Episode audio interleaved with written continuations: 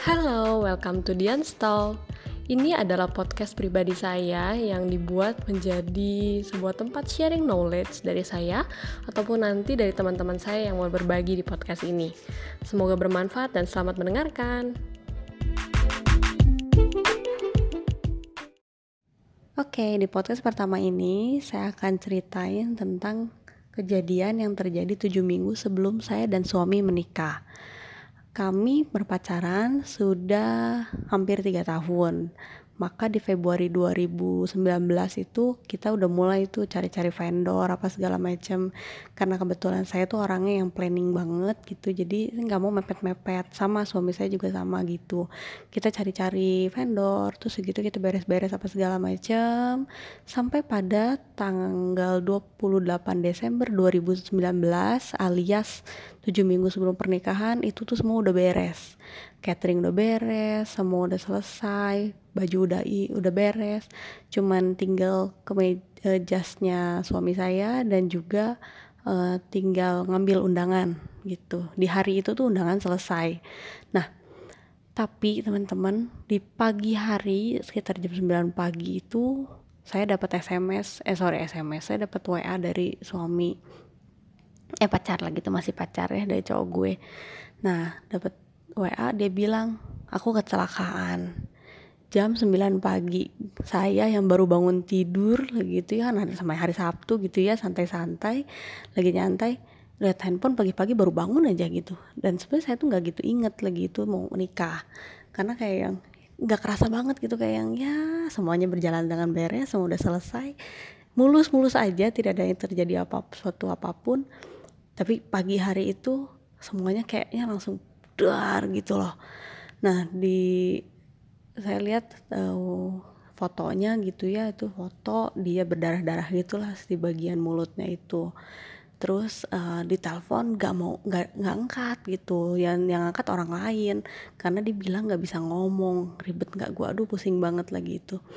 Langsung saya bergegas ke rumah sakit nah di rumah sakit uh, di ronsen segala macam di katanya dibilang oh ini ada harus ada rekonstruksi apa segala rupa di rahangnya.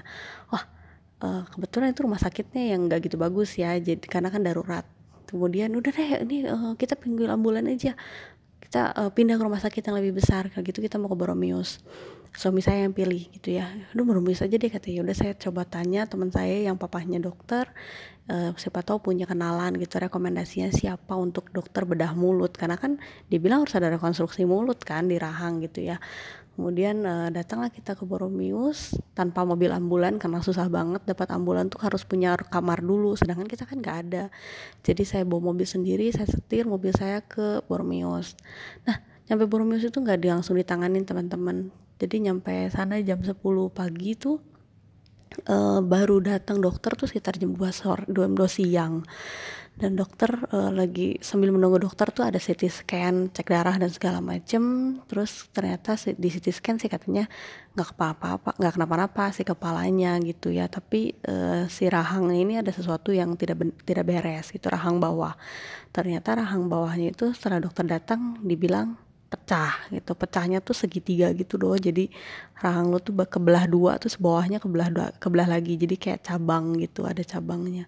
Sehingga e, dokter bilang ini harus dioperasi tapi nggak bisa sekarang. Kita mesti e, apa namanya tuh e, tunggu dulu. Kalau misalnya dia muntah gitu kan maksudnya muntah tuh ada pendarahan di otak ya. Kalau misalnya dia muntah kita nggak bisa operasi katanya. Artinya e, karena ternyata gigi tuh harus dikunci sehingga rahang atas dan rahang bawah tuh harus nempel terus gitu berbulan-bulan gitu kan. Dokter bilang ini mah mungkin nggak bisa ngomong dulu nih katanya gitu. Wah gila gue langsung lemas banget di sana. Uh, terus itu juga posisi suami tuh emang susah gitu untuk ngomong dan darah keluar terus dari si pecahan yang rahangnya itu. Jadi antar gigi, kalau kalian tuh ada gigi bawah gitu yang rahang bawah itu ada gigi-gigi yang ya yang kelihatan lah gitu ya. Karena dia tuh kayak kecatrok lah bahasa Sundanya gitu ya nah dia tuh pecah di situ. Nah uh, karena keluar darah terus segala macam terus jadi kan dan dia nggak bisa makan dong gitu. Otomatis nggak bisa makan. Kita tuh bingung gitu mesti apa. Terus dokternya bilang udah kasih susu aja katanya. Jadi uh, dia kasih susu. Tapi gila itu yang namanya nalan susu aja tuh susah banget gitu. Sampai kayak bunyi krek gitulah. Gue juga sampai yang aduh sedih banget gitu ngelihatnya ya. Karena saya nemenin itu uh, selama 6, 6 malam ya itu saya nemenin itu saya di rumah sakit sampai kita tahun baruan juga di rumah sakit. Saya nggak pulang ke rumah saat itu. Nah uh, kondisinya koko lagi itu ternyata punya insurance gitu ya punya insurance yang baru dia beli dua hari sebelum kecelakaan tersebut terjadi. Nah tapi uh, yang namanya asuransi baru beli ya jadi kita tuh baru upgrade loh tepat-tepatnya kita takutnya belum belum bisa gitu belum bisa dipakai atau ada limit tertentu. Terus betul ternyata dibilang oh ini nggak bisa ya ada limitnya ini gini gini ini dapat kamar yang jelek lah gitu kita dapat kamar yang kelas 3 yang satu kamar itu berlima gitu kan. Terus udah gitu ya susah banget deh mm, kayak yang gimana gitu rasanya. Terus saya coba kontak si agentnya. Agentnya bilang oh enggak kok ini udah aktif kok dia udah upgrade kok ke yang tanpa batas um, maksimum gitu loh. Jadi ke yang unlimited. Lu bisa kok dapat kamar yang gede katanya dapat kamar yang sejuta. Bahkan untuk yang nungguin juga bisa dapat makan apa segala macam terus untuk operasi juga bebas limited 30 m ya kalau nggak salah. Terus kayak yang lah kok ini nggak bisa? Oh mungkin ini masih sistemnya dibilang gitu. Karena sistem itu tuh kayak nggak langsung update kan si uh, rumah sakitnya gitu. Padahal si insurance mah udah gitu oh ini udah aktif kok dia aktif tanggal 26 ya dia udah bayar tanggal 26 ya dia udah langsung aktif tanggal 26 karena kalau misalnya kecelakaan itu tuh betul-betul setelah lo aktif lo kecelakaan juga udah langsung ke cover dengan uh, program yang baru itu gitu. Nah terus akhirnya um, setelah kita ini uh, tiga hari berikut oh ya dokternya datang kalau nggak salah tuh sekitar besoknya datang di hari minggu terus uh, dia bilang wah ini tekanan darahnya rendah nih karena kamu nggak makan ya katanya. Ya menurut gue gini ya gimana dia makan? Dia makan juga gerak-gerak gitu kan si rahang itu kayak gerak gitu jadi dia ngerasa sakit banget bahkan sampai nggak bisa tidur segala macam dan gak bisa ngomong ya jadi posisinya dia tulis dia tulis tangan. Untuk semua yang dia mau tuh kita kita ambil buku dia tulis pakai bolpen gitu atau pakai spidol. Nah uh, terus dokter bilang gini katanya ini kita harus operasi nih katanya kita pasang plat pasang platnya tuh ada dua katanya gitu. Di rahang bawah itu uh, akan ada dua plat uh, dan itu harganya satunya tuh hampir 8 sampai 10 juta dia bilang gitu. Terus ini juga obatnya ini ada obat yang macam-macam nih ada yang gini ada yang gini. Terus dibilang pokoknya ada yang mahal ada yang murah intinya kayak gitu uh, intinya sebenarnya si dokter ngebalikin ke keluarga lu mau yang mana? gitu. Atau kalau misalnya mau ngerasa lebih kemahalan mau pindah rumah sakit juga boleh maksud dokter kayak gitu. Terus gue langsung bilang aja oh ya nggak apa-apa dok kita asuransi kok gitu. Kita kita di cover insurance kok. Terus dokter langsung yang oh ya udah kalau gitu kita langsung tindak aja. Terus ya yang wah segampang itu gitu dengan adanya insurance itu. Uh, terus ya akhirnya sih proses berlangsung gitu ya. Uh, dia dikunci giginya dan segala macam uh, terus yang sebenarnya yang lagi itu saya bikin khawatir adalah dia nggak bisa wedding vow teman-teman. Tapi puji Tuhan banget uh, dokter tuh baik ya. Dan uh, dia bilang katanya oh kamu nikah kapan? katanya.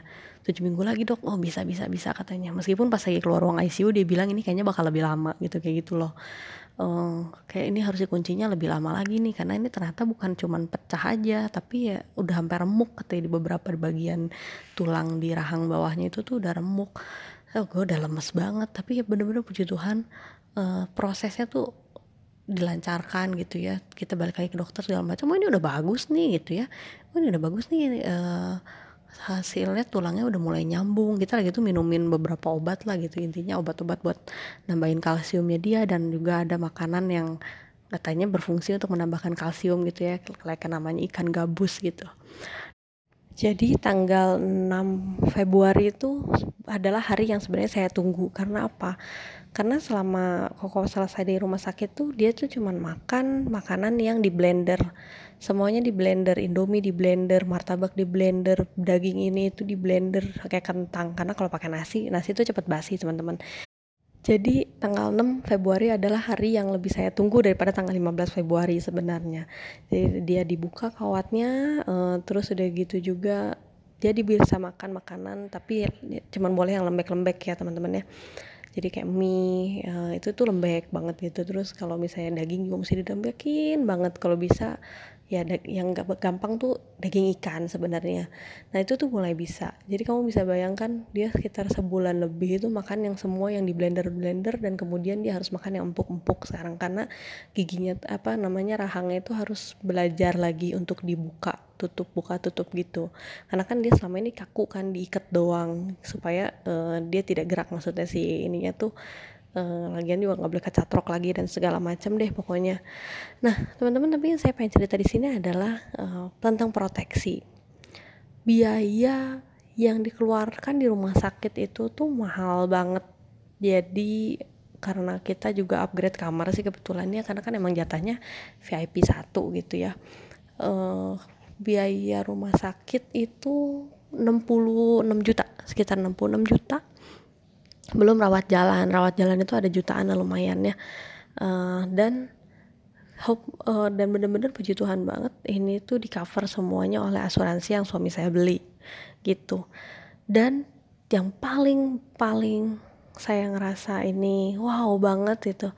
Kamu bayangin kalau misalnya suami saya tuh nggak punya asuransi saat itu. Sedangkan kami tuh menikah dengan biaya kami sendiri. Jadi maksudnya dengan uang tabungan kami sendiri. Saya emang dari saya emang dari dulu memang nabung gitu buat nikah gitu. Terus dia juga punya tabungan buat nikah gitu. Sengaja didepositoin apa segala macam kayak gitu gitu nah tapi kalau misalnya lagi itu nggak punya proteksi bisa dibayangin itu uang pasti kesedotnya ke sana dong. Nikah mungkin tetap jadi tapi minjem duit mungkin ke siapa ngutang. Kan jadinya kawinan kok mana minjem duit gitu kan. Terus ya menurut gue sih uh, betul-betul menjadi sebuah pengalihan risiko gitu ya. Jadi harusnya kita yang tanggung eh ditanggung sama uh, pihak asuransi. Tapi nggak gratis memang. Kita kan nyicil ya kita nyicil nyicil proteksi diri. Dia sih sebetulnya sebulan tuh bayar 800 ribu gitu. Dulunya 500 ribu makanya di upgrade di upgrade ke kartu yang lebih tinggi gitu ya.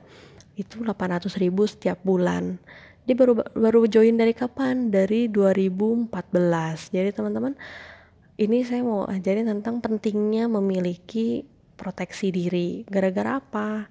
Ya kita nggak pernah tahu teman-teman akan terjadi apa. Kita sakit kita celaka atau tiba-tiba misalnya kita nggak ada gitu ya.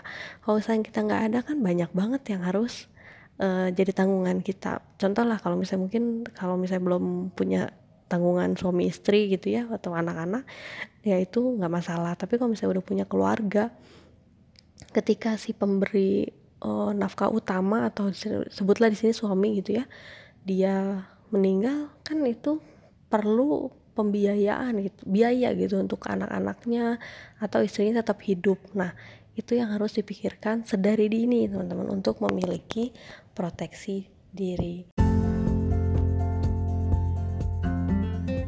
thank you ya udah dengerin Dian Stock semoga bermanfaat dan sampai jumpa di podcast berikutnya